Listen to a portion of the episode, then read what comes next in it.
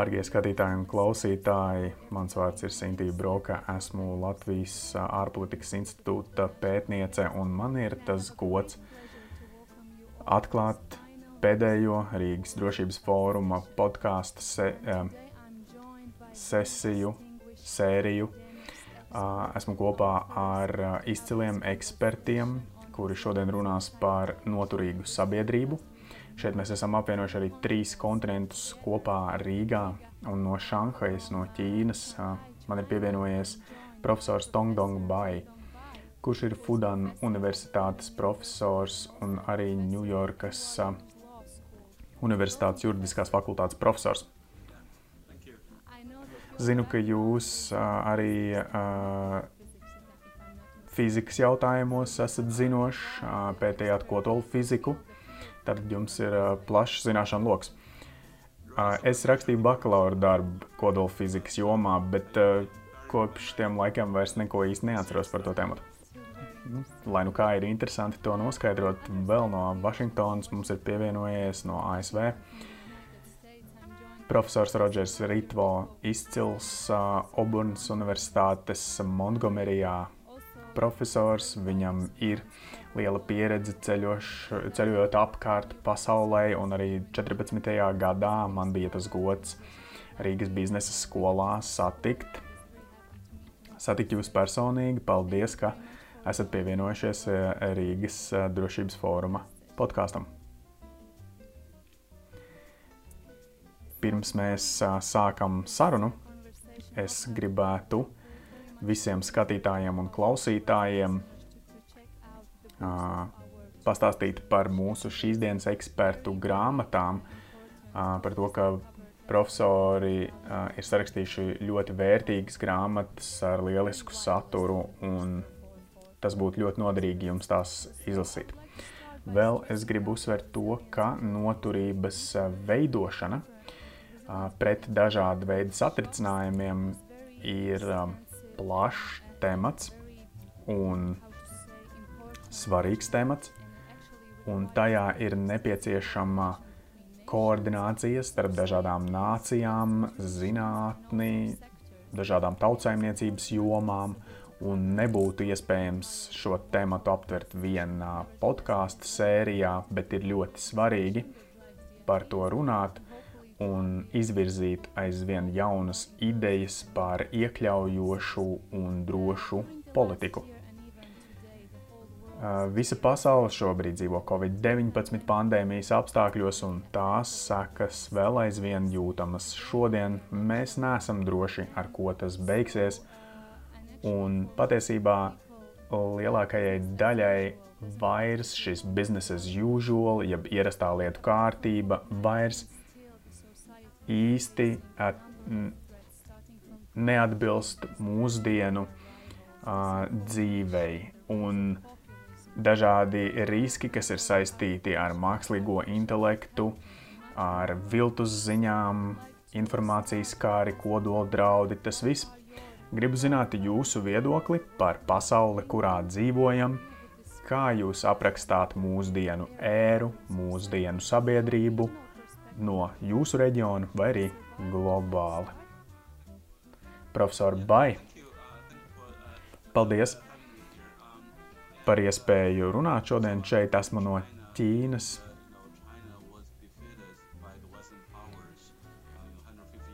Un es varu pateikt, ka mācība Ķīnai, kura tika uh, kura tika kā, uzvarēta pirms 150 gadiem no rietumu puses, tad es gribu pateikt, ka tā mācība mums bija tāda, ka mēs nebijām tajā laikā mūsdienīga valsts. Bet ko nozīmē būt mūsdienīgai valstī kopumā? Daudz, daudziem Ķīnas domātājiem, iekšpolitikas noteicējiem būt modernam nozīmē būt demokrātiskam. Kā arī būt kopsolī ar mūsdienu zinātni.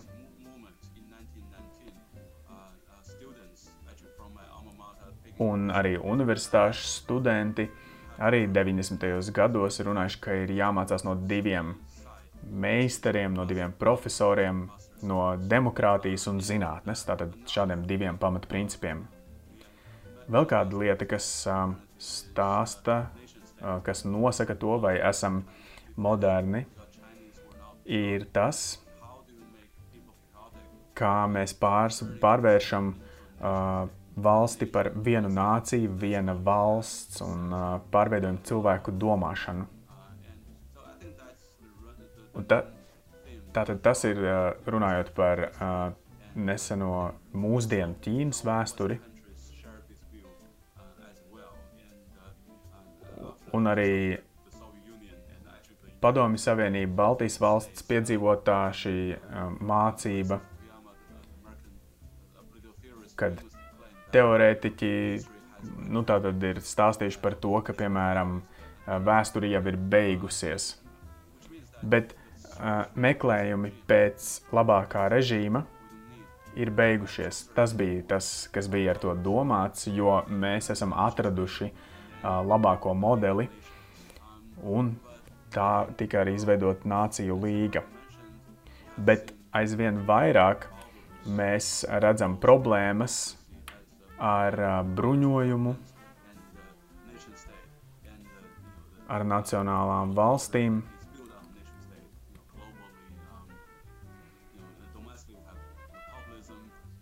Trumpa ievēlēšana, piemēram. Bet, nu, viņš netika pārvēlēts kaut arī gandrīz. Tas vispār arī ir diezgan biedējoši, jo tas šķeļ sabiedrību.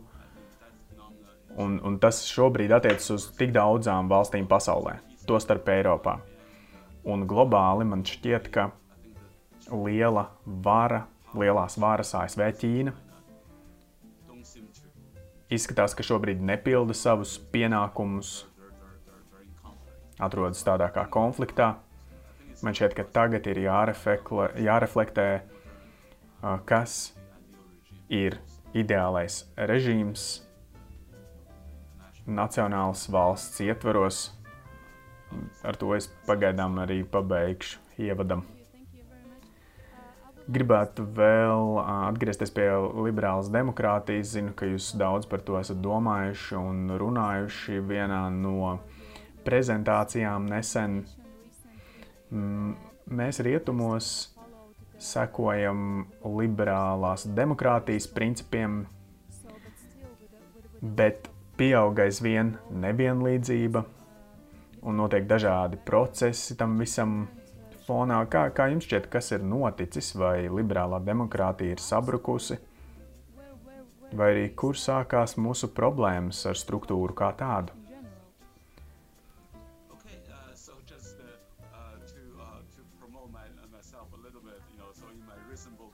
Manā vienā no pēdējām grāmatām es rakstu, nu, te man arī nākas pareklamēt sevi. Um, es stāstu par to, ka liberāla demokrātija ir kā viena, vienā iepakojumā, ka tas ir kaut kas viens, bet patiesībā tas būtu jāatdala, ka ir liberālā daļa un ir demokrātiskā daļa. Man šķiet, ka liberālā ir šī universal, universālā daļa, to ir iespējams uh, piemērot visur. Piemēram, par kādas uh, slepenas informācijas atklāšanu internetā brīvi, vai arī, piemēram, ja kādam cilvēkam kaut kas nepatīk, viņš var brīvi izteikties internetā. Nu, šobrīd es nesaukšu, bet ir, protams, arī skandalozi gadījumi ar to, ar informācijas nopludināšanu tieši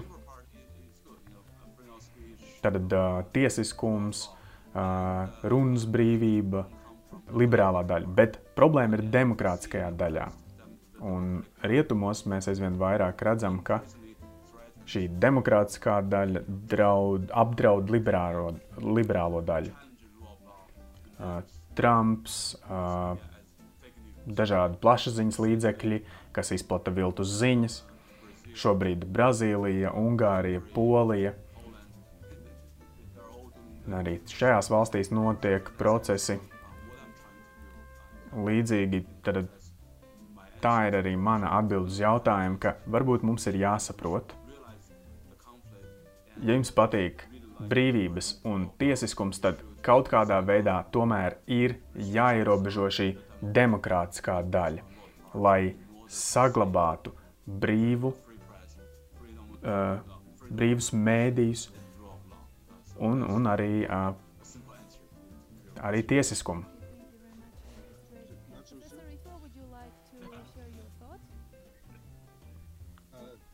Paldies! Es gan uh, vēl komentēju uh, to, ka tas nav tik vienkārši. Jāpasaka gan, ka es esmu arī ļoti pagodināts būt šādā starptautiskajā programmā. Esmu mācības spēks un konsultants lielākoties savā karjerā. Un mēs mācām studentus. Sintīja bija pirms sešiem gadiem studenti manā, no, manās nodarbībās. Uh, un mēs strādājam ar studentiem, bet mēs bieži vien neredzam šo cilvēku rezultātus uh, pēc tam, kad esam viņu kaut ko iemācījuši. Un es redzu, ka jums, Sintīja, tātad jūs esat nu, panākusi šo lielisko rezultātu, un šis Zoom zvans, kopš pēdējā reizes biju Rīgā, redzu, tas ir patiešām liels gods man būt šeit un, un diskutēt par šiem jautājumiem. Jūs arī lūdzāt, lai es komentēju īsumā par pasauli, kurā dzīvojam un kā es to redzu no turienes, kur es esmu. Es runāšu par dažām lietām. Es domāju, ka tās jūs nepārsteigs. Bet pirmkārt, par Covid. Covid ir sliktākā pandēmija cilvēces vēsturē. ASV un citām valstīm vakar tika piedzīvoti uh, hospitalizācijas augstākie rādītāji, vakar uh, lielākie nāves gadījumu skaiti tika reģistrēti. Tas ir briesmīgi. Un es domāju, ka jūs, Sintī, minējāt uh, iepriekš par to, ka ir nepieciešama sadarbība. Un tieši tas ir arī atklājis to, kāds uz mūsu planētas šobrīd pastāv tomēr uh, sadalījums, nevienlīdzība, politisks nes, nesaskaņas reģionāls, nacionāls. Mēs esam pazaudējuši vispār šo sabiedrības sajūtu, sajūtu ar mēs.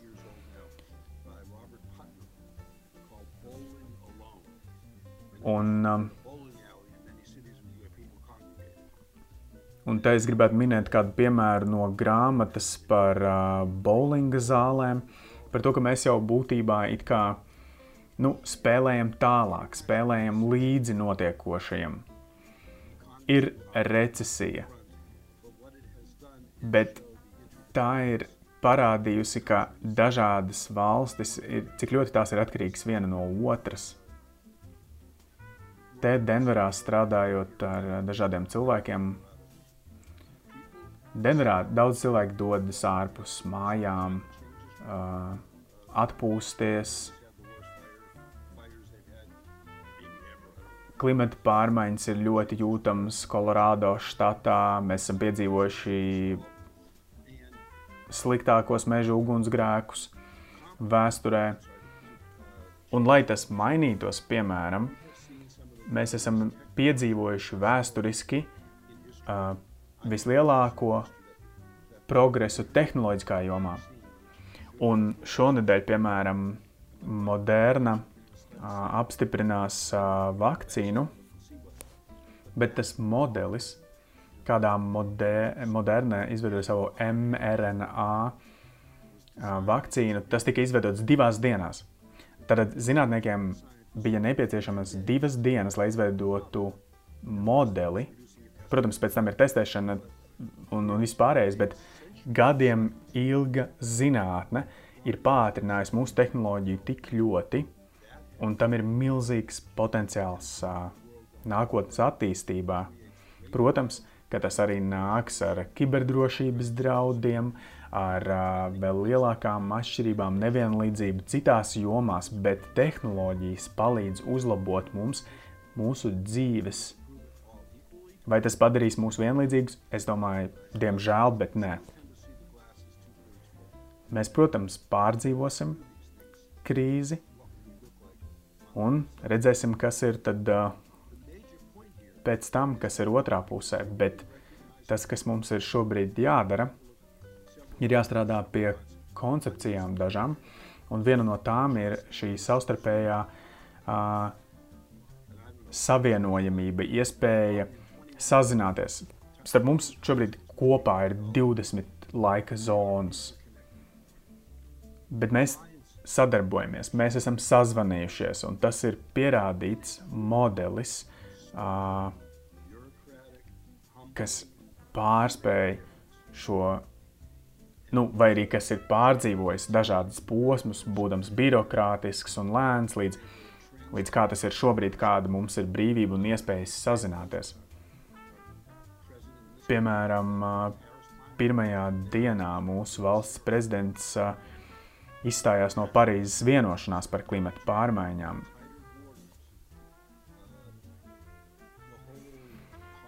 cietais Brexits, mīkstais Brexits, problēma, kas šobrīd tiek risināma, un tas viss ir reāli, un tas viss notiek līdzās tam, ka mēs būvējam ceļus, tuneļus, kanālus, lai būtu savstarpēji savienoti, bet, kā redzam, tad ir šīs dažādas barjeras.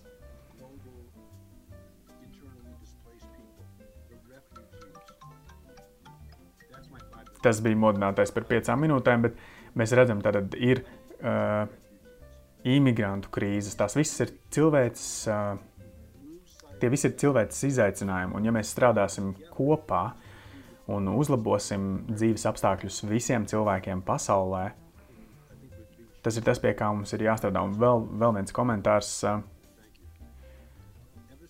Kopš jūs, Sintī, nosūtījāt man uzaicinājumu piedalīties, es redzu, ka tātad šo vārdu noturība, par kuru mēs runājam šodien, es to redzu visur. Noturība pret, pret nabadzību, pret kāru, pret problēmām. Un es redzu, ka ir, tad, ir atšķirības starp dažādām koncepcijām, kuras mēs varam pieņemt, kas ir kā kā trendis starp, pieņemsim, kādu dinamiku, veiklību, spēju pielāgoties un šo noturību. Bet par to vēlāk. Paldies! Paldies par komentāriem, ņemot vērā jūsu zināšanas pārvaldībā. Vai jūs gribat komentēt par starptautisko institūciju lomu mūsu ikdienas dzīvēs, jo, kā mēs zinām, ir pavisam ka individuālā drošība, nacionālā drošība, tur tā tad starp tām ir ļoti plāna šī robeža, un kā jums šķiet, kā tas ietekmē mūsu dzīves, mūsdienu pasaulē? Tiem, kuri tagad klausās, tas nav sagatavots. Um, tas nav sagatavotas atbildes lielas starptautiskas transnacionālas organizācijas. Viena no mācībām, ko tās ir guvušas pagātnē, 30-35 gadu laikā pēdējo, ka korporatīvā sociālā atbildība atmaksājas. Ka Tad būt lielai korporācijai tas nav tikai pelnīt daudz naudas, tas ir arī atrast veidus, kā līdzdarboties un palīdzēt. Tām ir milzīga ietekme. Un mēs vēl redzēsim ļoti daudz savas dzīves laikā uh, tiesvedības ar Facebook, ar citām korporācijām, bet ļoti daudzas no korporācijām ir mācījušās, mācās kaut arī lēni mācās un uzzina par to, ka viņām ir atbildība pret iesaistītajām pusēm, ieinteresētajām pusēm, klientiem. Pagājušajā mēnesī, iespējams, pirmoreiz vēsturē, Fortune 500, Fortune, katrā Fortune 500 uh, uzņēmums uh, sarakstā esošajā uzņēmumā valdē ir vismaz viena sieviete. Nu, manuprāt, tas parāda to, ka pasaule mainās lēnāk nekā varbūt gribētos, vajadzētu būt ātrāk, bet tik un tā mainās. Tas nozīmē, ka lielās korporācijas, manuprāt, mācās un apgūst mācības.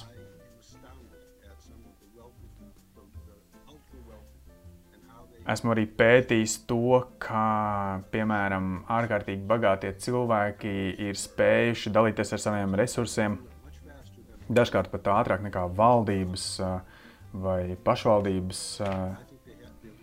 Es domāju, ka šobrīd pasaulē aizvien vairāk cilvēku un lielās korporācijas tieši apgūst dažādas mācības. Un es domāju, ka ir jāturpina izdarīt liels spiediens, lai šis progress turpinātos. Tad no jūsu teiktā es tagad saprotu, ka sociālā atbildība ir uh, ir uh, atslēga. Bet mēs sabiedrībā esam dažādi. Uh, es gribu jums jautāt, kāda ietekme ir uz mūsu šo dažādo, uz mūsu dažā, kāda ir mūsu dažādības ietekme uz noturību un uz arī ikdienas dzīvi.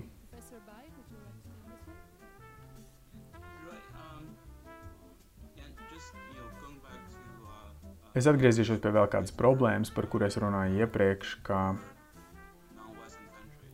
par to, ka, ka ir valstis, kuras mēģina tātad uh, tikt līdzi, tikt līdzi, uh, kļūt par uh, nacionālu valsti. Mēs šobrīd redzam ar to problēmu. Es vienkārši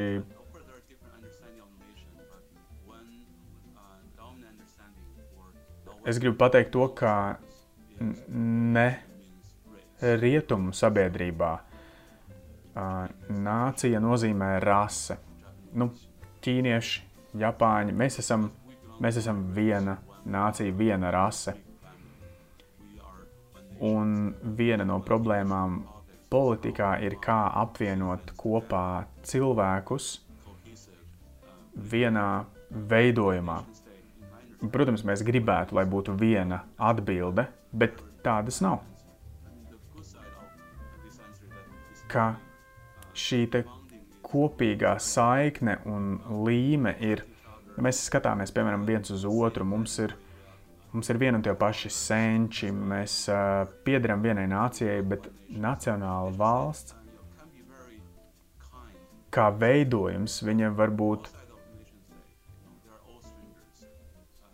viņa var būt gan apvienojoša un viena, bet viņa var arī būt tāda, kurā mēs visi esam dažādi un kur mums ir viens draudz iekšēji sadalīties, kur mēs viens, katrs esam viens, viens pret otru. Un globalizācija tādā izpratnē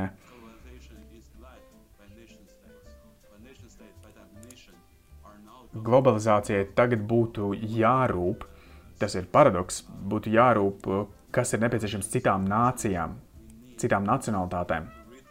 Es domāju, ka mums ir jāapsver tas, vai nacionāla valsts ir nākotnes modelis vispār. Es uzskatu, ka ASV, piemēram, to ir piedzīvojusi tātad grūtākajā veidā, vai arī, piemēram, divi pasaules kāri, Japāns iesaist vispār Eiropa no tā guva tādu mācību par nacionālas valsts modeli.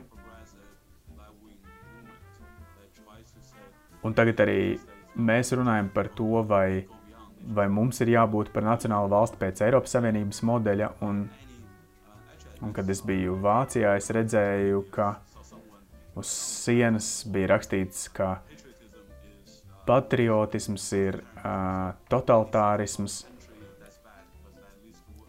Tas tātad ir rakstīts valstī, kur ir piedzīvojis divas pasaules karus. Bet tagad, kas attiecas uz dažādību, uz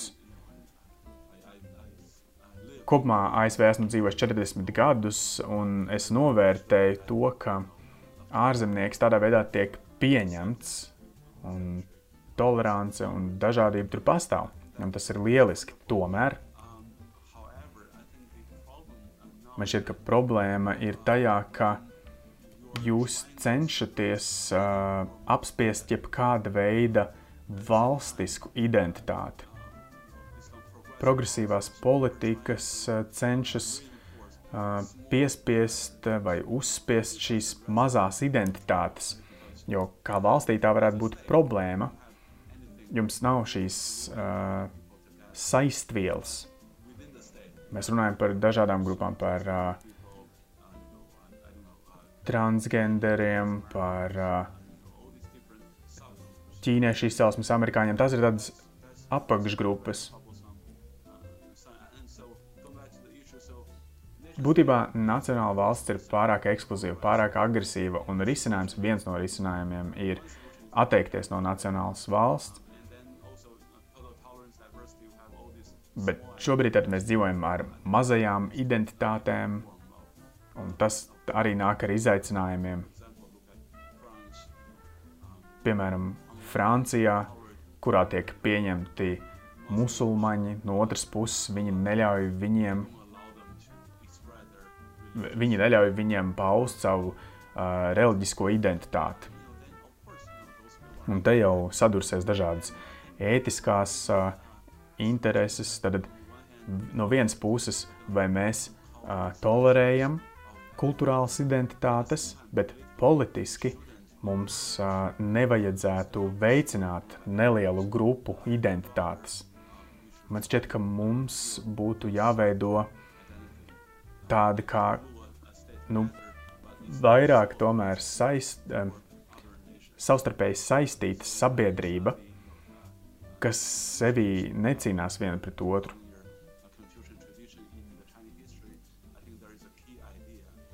Un Ķīnā, piemēram, šī ideja vēsturiski, tātad kā, kā rūpēties par citiem cilvēkiem.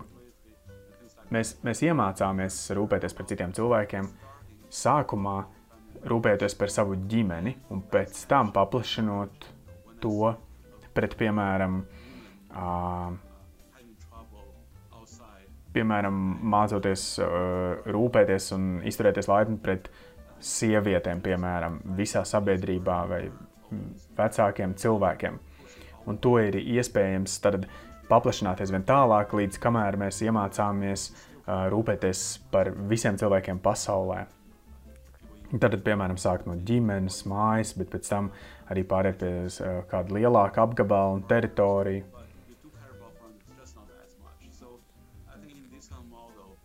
Es domāju, ka valstiska identitāte pastāv, bet tā nav pārāk ekskluzīva. Jums ir pienākumi pret citiem cilvēkiem, pret citām nācijām. Man šķiet, ka tā varētu būt ilgtspējīgāka identitātes forma.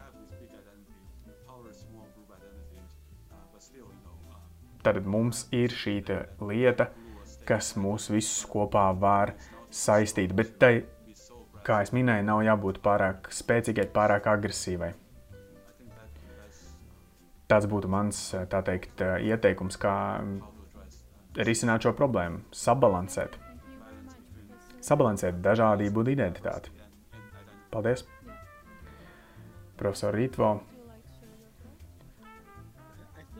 Man šķiet, ka man ir nedaudz citādāks skatījums.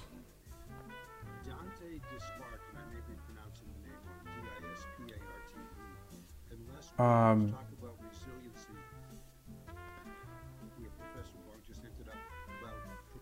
kad uh, profesora grāmatā ir rakstīts par sagatavotiem cilvēkiem sagatavotās maisaimniecībās. Tas ir kā mikro līmenī, maisaimniecības līmenī. Uh, kad jūs izējat ārā no savas maisaimniecības, pēc analoģijas, piemēram, uz ielas, sākumā valstī, tad sākumā pilsētā, tad valstī, tad visā reģionā.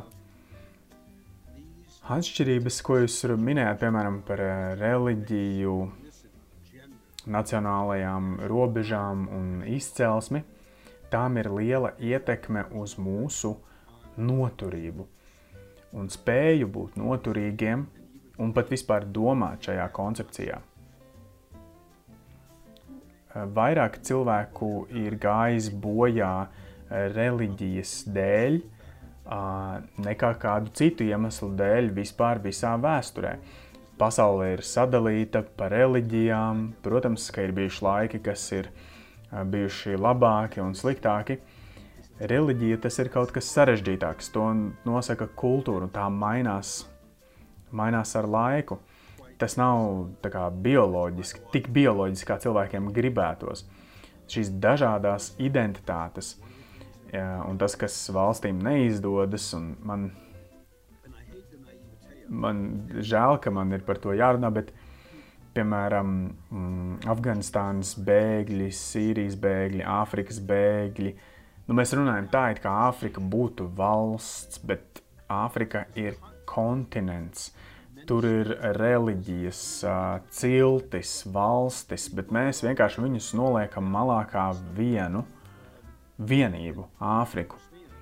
Un mēs pat nesaprotam to, cik lielu lomu tas spēlē šīs problēmas um, līdz šim risinājumu neatrašanā. Mēs runājam par dažādām pieejām. Un, ja mēs nesākam ar šo vienu, ja mēs nesākam ar līmeni, kas ir ģimene, tad ir jāsāk ar līmeni, kas ir visa sabiedrība. Ir bijuši vēsturiski tik daudz piemēri ar to, ka cilvēkiem ir uh, labi nodomi, jo vairāk mums būs tādu līderu, kas redzēs pasauli kā no, no, no perspektīvas, kur mēs iegūstam un kur mēs zaudējam. Tas varētu būt tā. Šobrīd ASV visticamāk tai ir problēmas iegūt Covid vakcīnu, jo Mēs, piemēram, nemaz negaidījām, ka tāda vakcīna nepieciešama arī citām valstīs. Citām valstīm, bet nu, uz kuras planētas bija jādzīvo. Simts miljoni devu, bet Pfizer pārdod tās arī kādam citam. Protams, tas taču ir brīvais tirgus, un citiem tas arī ir vajadzīgs. Risinājumiem tagad vajadzēs vairāk par vienkārši zinātni,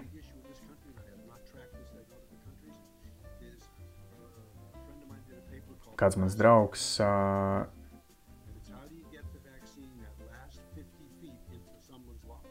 sarakstīja grāmatu nesen, un uh, būtībā runa ir par to, ka mums ir 30-40% sabiedrības, kuri netic vakcīnai vispār. Tad ir palikuši šī, te, šie pēdējie soļi vakcinācijai un uh, uzvarai pār pandēmiju, bet bet cilvēki tic, ka Bills Gates viņus čipos.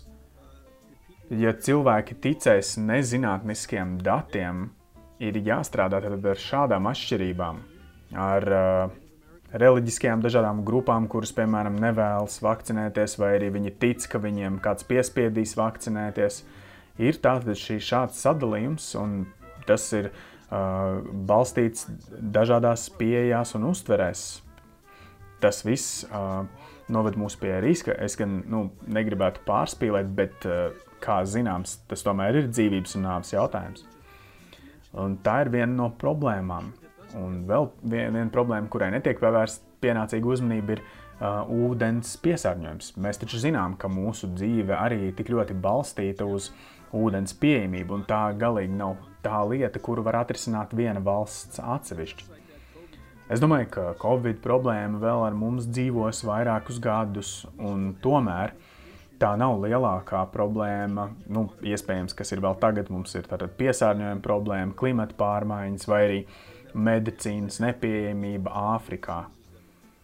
Un dažādas uh, netīra ūdens izraisītas slimības, uh, sanitāro apstākļu izraisītas uh, slimības, un tam visam ir nepieciešama nauda, resursi, vietējā līmenī un arī uh, tikai ar viņu vietējo līderu vadību. Es redzu to, ka mēs tiešām esam vēl aizvien ļoti sadalīti, sadrumstaloti, un tas noteikti ir jāliek mūsu diskusiju galvgalī, kad sāku savu karjeru. Bija kāds sociāl, sociālais zinātnieks Rons Lipits, un viņš vienmēr, viņa, viņš vienmēr komentēja, tad, kam tad vēl šeit būtu jābūt pie galda. Un par to mums ir jādomā. Paldies, paldies liels! Domāju, ka mums ir jārunā par uh, politiku, kas balstās uz pierādījumiem, uz atbildību. Bet, uh, Rītvo kungs, kā jums šķiet, kā mēs varam virzīt dažādas politikas globāli, nacionāli vai uh, šeit nevalstiskām organizācijām un kopienām ir kāda loma, kur mēs sākam, kā mēs virzāmies tālāk. Sintīna lieliski zina, par ko es rakstu pēdējos desmit gadus. Un par ko es interesējos, tas ir nevalstiskās organizācijas. Nevalstiskās organizācijas kaut kādā veidā ir arī visgrūtākajā pozīcijā, jo tām nav uh, nepieciešamo resursu, un tomēr tām ir pieeja kopienām uh, un cilvēkiem. Viņi, nu, ir, kā, viņi koncentrējas vairāk uz noteiktu stratēģiju, uz noteiktām idejām, uz noteiktiem tematiem, un viņi ir eksperti tajā, ko viņi dara, bet viņi ne, necenšas darīt visu. Valdības ir lēnas, birokrātiskas, dažkārt tām ir vēl kādi šķēršļi. Man šķiet, ka civilējai sabiedrībai ir sava loma gan privātā, gan valdības sektora pārvaldē. Un man ir bijis tas gods redzēt to Azerbaidžānā, Grūzijā, Latvijā un Ukrainā. Tās ir valstis, kurās es esmu pēdējos desmit, desmit gados bijis. Un pastāv piemēri katrā valstī, kuri parāda, kāda ir šī pasaule nevalstiskajās organizācijās. Tā ir tā kā viņi ir otrā pusē pretī valstu valdībām, un viņas dažkārt arī, protams, savā starpā uh, nesatiek, bet viņi kopumā viņi virza šo progresu.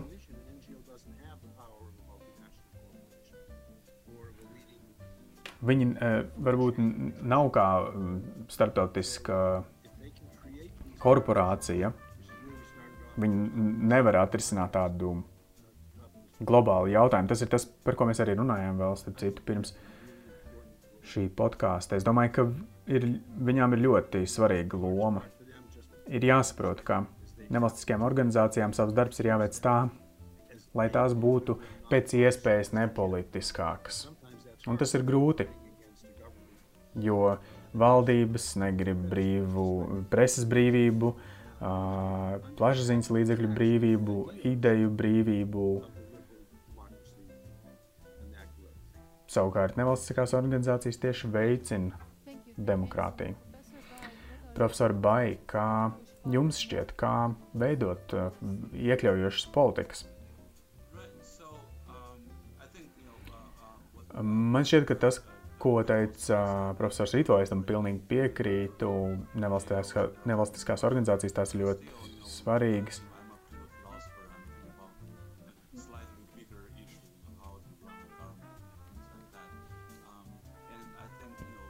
Piemēram, par klimata pārmaiņām. Tas ir kā ideāls sniegais uh, demokrātijai.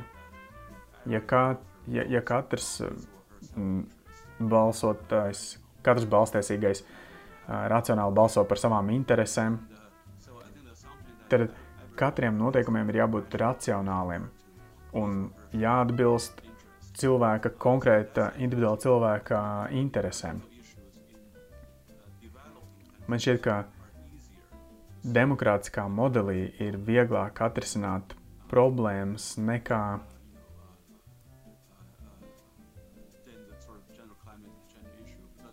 nekā šīs globālās lielās problēmas. Piemēram, Ķīnā ļoti piesārņots gaiss ir. Jūs sēžat, jūs to ieelpojat, jūs to saužat un tas eh, izdara spiedienu uz valdību. Valdība nu, ir tālu no uh, rietumnieciskas, tādas demokrātiskas, bet uh, tik un tā viņiem ar to ir jātiek galā. Rietumdemokrātijas varbūt uh, tur sagaida lielākas reakcijas no cilvēkiem, bet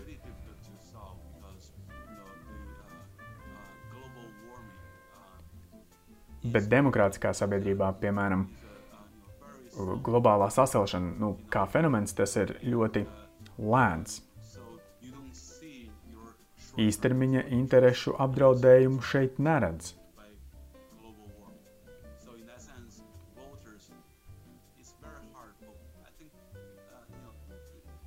Tad būt racionālam, globālu problēmu, problēmu risināšanā no savas īstermiņa izdevīguma pozīcijas tas ir sarežģīti. Piemēram, kaut kā, kā nu, cilvēki tam tic, ka Bills Gates ir iesaistīts kādā visas pasaules konspirācijā, ka tas viss ir šādā veidā saistīts.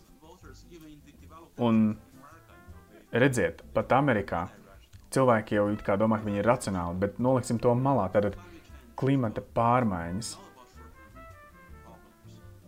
Tās neatiecas nekādu uz mūsu īstermiņa ieguvumiem. Līdz ar to mums ir grūti pārliecināt cilvēku, ka tas, viņiem, ka tas viņus ļoti skar. Mēs sakām, piemēram, ka piesārņotāji nemaksā cenu, ķī, attiecīgi pienācīgu cenu ASV Ķīna. Mēs redzam jūras līmeņa kāpšanu. Bet pirmie cilvēki, kas cieš no tā visa, ir eh, dažādas salu valstis un Bangladeša. Cilvēki Vācijā, Japānā, ASV. Viņi saka, ka viņi nevar mainīt šīs politikas, bet demokrātijā politikas, par politikām mēs balsojam un balsojam tādā veidā, uh, veicinot nākošo paudžu un uh, to cilvēku labklājību, kas dzīvo citās valstīs. Cilvēki Bostonā, piemēram, necieš un arī necietīs uh, no globālās sasilšanas, bet, uh, bet Floridā savukārt viņi to ātri jutīs. Un tad ir šī atruna, ka mēs nevaram mainīt valsts politiku. Lūk, šeit mēs redzam problēmu par to, ka viens cilvēks, viens modelis. Es domāju, ka risinājums būtu tāds, ka ja mēs identificējam nevienlīdzīgos un kompetentos cilvēkus un dot viņiem lielāku vāru veidot politiku. Nu, tas nav tik perfekts eh, piemērs, bet uh, New York Times kādā rakstā es izlasīju, ka ka publiskais pieprasījums netiek, netiek apmierināts. To neapmierina Trumpu vai kongress, bet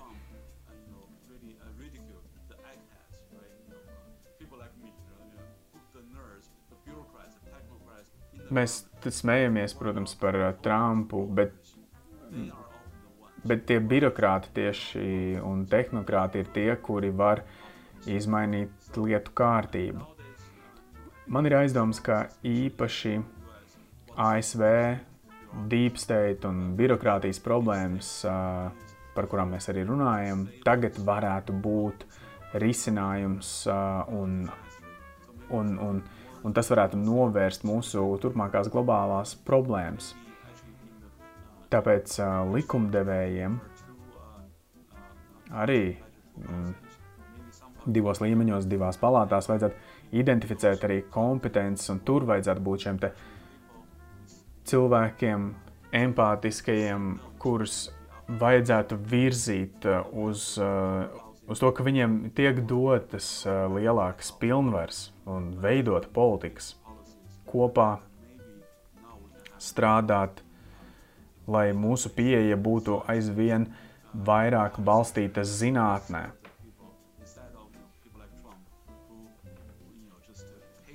Nevis, piemēram, kā Trumpa politikas gadījumā, kad tiek baroti cilvēku instinkti. Globāli mums ir nepieciešama sadarbība. Kā jūs zināt, ka globālās problēmas, nu, principā tā jau nav vienas valsts problēma. Tagad uh, Covid-19. Protams, ka tā skar arī Ķīnu. Tā skar visas lielās un arī pārtikušās valstis, tam pavisam noteikti ir nepieciešama globāla sadarbība, labāks modelis.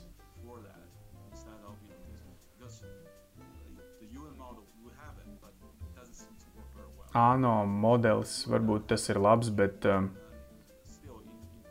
bet tikai pašām valstīm ir nauda, uh, militārās spējas, viņi var realizēt idejas reālās politikās. Mums ir jādod lielāks spēks, lielāka vara tiem cilvēkiem, kur ir speciālisti.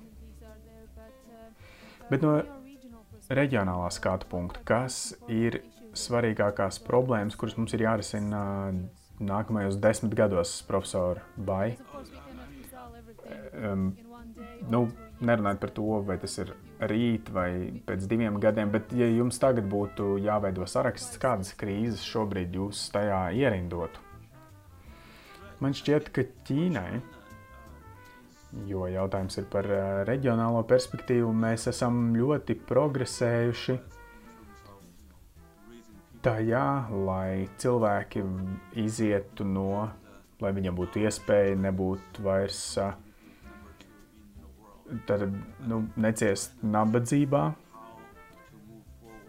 Mēs uh, turpināsim darīt to, ko mēs esam darījuši, ieviesuši dažādas uh, reformas. Tāpēc man, man šķiet, ka mums ir nepieciešams turpināt reformas, uh, brīvības, runas brīvību veicināt. Man šķiet, ka Ķīnai vispirms ir nepieciešams. Mums vajadzētu tikt galā ar to ideju, ka nacionāla valsts ir vienīgais veids, kā uh, augt, kā attīstīties. Mēs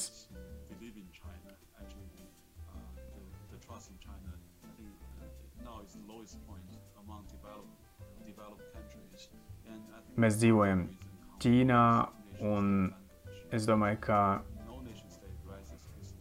Es domāju, ka nacionālā valsts nu, tas ir ļoti agresīvs modelis un stiprinoties viņi tiešām pret visu pārējo pasauli, tāpēc pavēršas uh, daudz agresīvāk. Un tas savukārt noved pie konfliktiem un kariem. Un, ja vien mēs nemainām to, kāda ir mūsu valoda, ar kā, kādā mēs runājam ar citām valstīm, tad uh,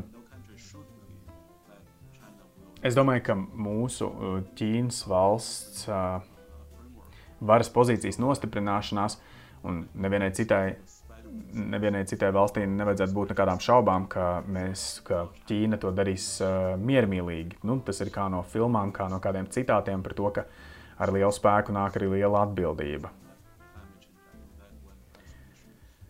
Par īstermiņa problēmām es teiktu, ka varbūt mums vajadzētu piedāvāt arī vairāk atbalstu bēgļiem, cik vien tas ir Ķīnas spējās, Jānis bēgļiem.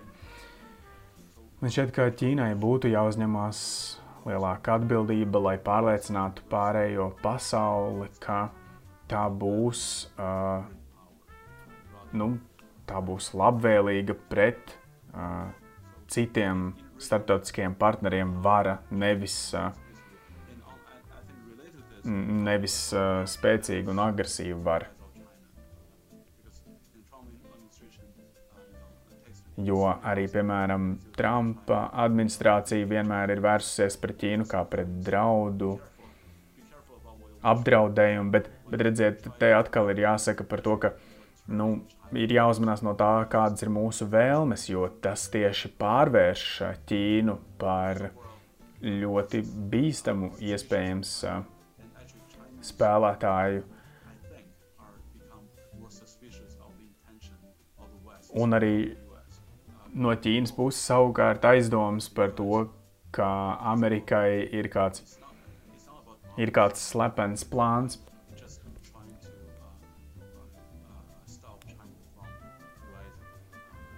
man šķiet, ka šī ir aktuāla problēma par to, kā ASV, kā rietumi, tostarp Baltijas valsts, eh, reaģēs uz Ķīnas eh, spēka pieaugumu, ekonomiskās varas eh, pieaugumu, izaugsmi. No visa šī ir atkarīgs tas, kāda, kādu pasauli mēs redzēsim.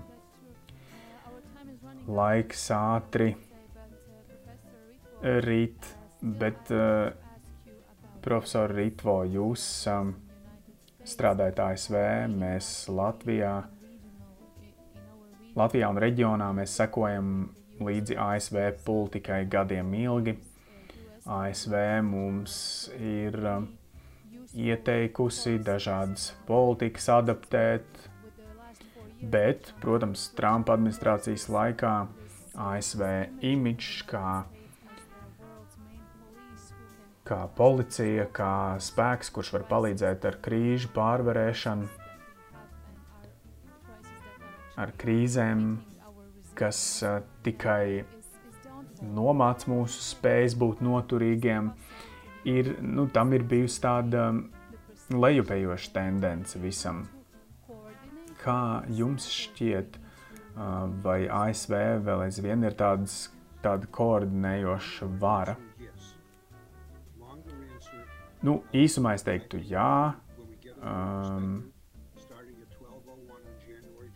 bet, um, lai atbildētu ilgāk, tad um, nu, mums ir jauns prezidents. Baidena filozofija ir tomēr parūpēties par to, ka Amerikas problēmas mums ir pirmajā vietā, bet uh,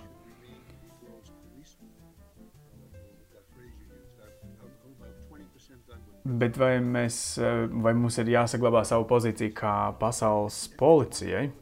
Es tagad strādāju pie grāmatas par Trumpu.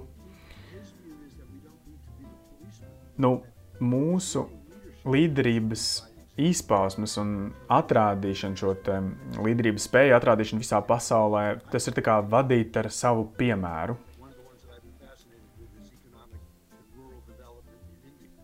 Piemēram, neatrisinot dažādas infrastruktūras problēmas, un te es gribu pieminēt uh, Indiju, piemēram, uh, Indijas uh, piemērā tad ir milzīgas pilsētas, bet ar neatrisinātām infrastruktūras problēmas. Mums tas nav Nu, mums nav jābūt kā policijai šajos jautājumos vispār, bet mēs varam parādīt ar savu piemēru.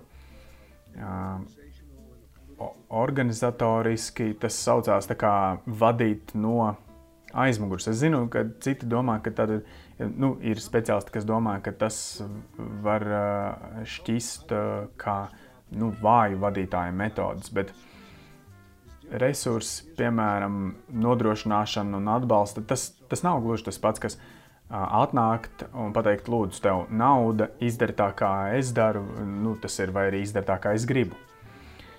Es domāju, ka ASV ir jākļūst caurspīdīgākiem par to, ko mēs gribam. Es domāju, nu, man pirms tam, protams, teica, ka Meksika uzbūvēs sienu, kura mums ir vajadzīga.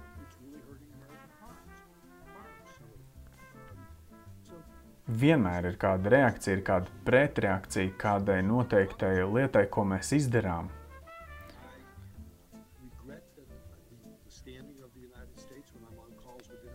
Un sazvanoties, piemēram, sazvanoties ar starptautiskajiem ekspertiem, man ir žēl, ka, piemēram, es atbildu, nu, es nezinu, kas šobrīd notiek, bet uh, man, man, prasa, man prasa, kas notiek.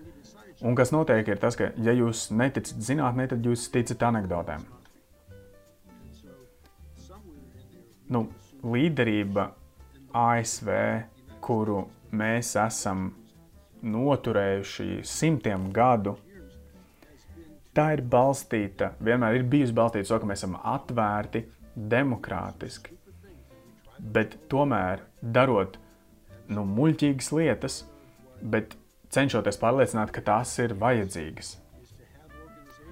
Noturīgām ir jābūt valdībām, organizācijām, Mēs varam noteikt kādu dienas kārtību, nevis vienkārši reaģēt. Mums ir jārunā par to, kādu pasauli mēs gribam saviem bērniem, mazbērniem. Ja mums ir plānošanas process, kurā mēs iekļaujam sabiedrību, ja, ir, ja mēs tam ja mēs vienojamies par resursu novirzīšanu mūsu kopīgajiem mērķiem, ja mēs cenšamies panākt rezultātus, kas ir balstīti uz pierādījumiem, mēs varam piedzīvot arī uzlabojumus. Nu, tas ir pilnīgi traki, ka ASV, Ķīna nevar vienoties. Jūs Krievijai, piemēram, esat tuvāki Es nesaprotu, kāpēc mēs nevaram vienoties. Bet risinājums ir vienmēr. Un kas notiek? Nu, mēs nosūtījām astronautus. Mēs, piemēram, kosmosa izpētē varam vienoties ar dažādām uh, lielvarām. Nu, jūs uh, lūdzāt nosaukt uh, kādas problēmas, bet es teikšu, ka sadarbība, iekļaušana un šī apņemšanās un tās solījumu savu turēšana. Trumpa problēma ir tajā, ka viņš iznāk, tad izstājās no dažādām vienošanām. Viņš uh, pacēla balsi uz NATO uh, sabiedrotajiem. līderība jebkurā valstī nesākas, nu, nesākas tā vienkārši līdz ar līdera nākšanu pie amatā. Tā, tam ir tradīcijas. Izrādās, ka mums vēl joprojām ir uh, autokrāti, un, protams, kāds par to samaksās. Ir um, veidi, kā atrisināt problēmas, ir veidi, kā to izdarīt ātrāk, ir veidi, kā to nu, tie citi ir efektīvāki, bet arī runājot par uh, informācijas, um, par viltus informāciju un klimata pārmaiņas šobrīd, piemēram, ir uh, izraisījusi tik daudz uh, darba vietu rašanos,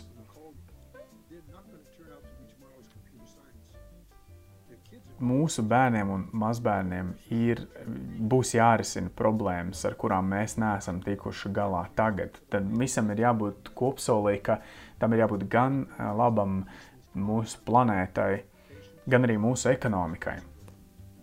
Paldies liels īsumā!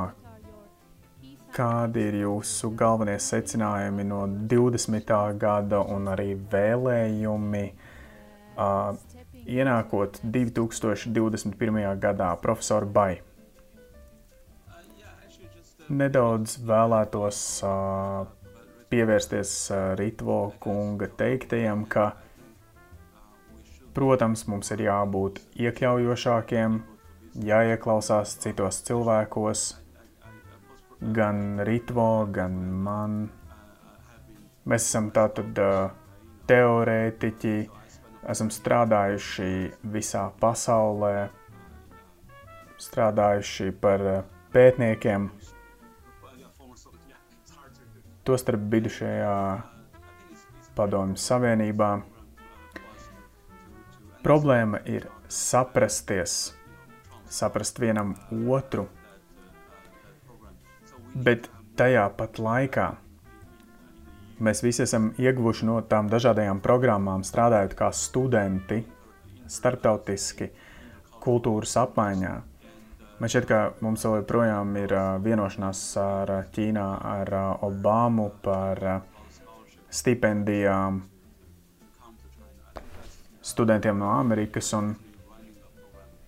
Es uzskatu, ka tādām programmām ir tikai jāturpinās un ir jābūt aizvien vairāk tikai jo tās veicina mūsu sadarbību. Ir jābūt vairāk tādām lietām. Tik tiešām jāveicina iekļaušana, ir jānosaka, jārāda morāls piemērs. ASV var izstāties no Parīzes vienošanās, bet ja būs citas valstis, kuras izdarīs spiedienu uz ASV, tad, piemēram, tagad Baidena administrācijas laikā ASV var atgriezties. Es ceru, tā ir viena no manām cerībām, bet otra tā tad ir. Es tiešām nenoraidu to, ka vajadzētu pasaulē vienu uh, policistu, pasaules līderi, jo visi pasaules līderi var sevi justies kā līderi, bet kopumā mums ir vairāk, tomēr nu, globāli jāvēršās arī agresīvāk un spēcīgāk pret dažādām problēmām. Jo šajā gadījumā es uzskatu, ka arī neatkarība būtībā ir atkarīga no tā, kā mēs izturāmies pret, kā mēs izturamies pret saviem cilvēkiem un citām nācijām. Jo, piemēram, es uzskatu, ka ir valstis, kuras, nav, kuras ir pelnījušas, lai viņu neatkarību ierobežotu. Piemēram, Sīrija, Lībija, kur cilvēki mirst. Es tiešām neredzu iemeslu, kāpēc mums vajadzētu respektēt šo valstu neatkarību. Pasaules līderi var uzstādīt noteiktas uh, zonas bez bruņotiem konfliktiem. Viņi var būvēt uh, rūpnīcas, uh, bēgļu punktus, bet nevis uh, likt viņiem ceļot pāri jūrai un uh, mirt pa ceļam. Patiesībā mēs viņus varam glābt arī turpat Sīrijā un Lībijā. Savukārt tās valstis, un mēs varam pārkāpt viņu neatkarību, strādājot tur. Es domāju, ka pasaules policija ir nepieciešama, vai šobrīd tā būs Ķīna, kur ir gatava ASV, kas to ir darījusi simts gadus, es uzskatu, ka viņai vajadzētu turpināt. Arī Eiropas Savienībai ir jābūt policijiskam spēkam pasaulē. Jums ir jāvēršās un uh, jāvēršās, lai, uh, lai visai sabiedrībai būtu kāds labums visā pasaulē. Un novērst dažādas ciešanas. Un patiesībā es arī par to es ceru, ka tas ir tas, kas būs nākotnē, ka veidosies jaunas, spēcīgas valstis, jaunas, spēcīgas alianses, kas būs kā policisti globālajā arēnā. Rītvokungs, kādas iemaņas mums ir, ne, iemaņas mums ir nepieciešamas 2021. gadā? Es pateikšu tā, es esmu pierakstījis, ko es gribu teikt šajā pēdējā jautājumā. Noturība Noturībai vajadzīgs izaicinājums. Mainās cilvēki, vide mainās, un arī mūsu problēmas mainās ar laiku. Vai starptautiskajai sabiedrībai vajadzētu aplaudēt Vācijai un Merkelei par bēgļu uzņemšanu? Vai arī mums vajadzētu stāvēt līdzās tām valstīm, kuras savas robežas savukārt slēdza tieši bēgļiem? Es tik tiešām uzskatu, ka viņa ir bijusi tā, kura ir atcerējusies par vērtībām, kuras palīdzēja citiem cilvēkiem. Un, lai arī kādas tam bija ekonomiskās un politiskās konsekvences un sekas, bija miljoniem cilvēku. Nu, lai arī kāds tas būtu skaitlis, bet tie bija cilvēki, kuri cīnījās, lai nonāktu šajā valstī. Jo tieši Vācijas politika Tieši Merkeles politika balstījās uz to vērtību, kas ir cilvēka dzīvība. Mums ir jāsaglabā mūsu vienotība. Tas ir tik vienkārši, ka tagad to redz kā radikālu.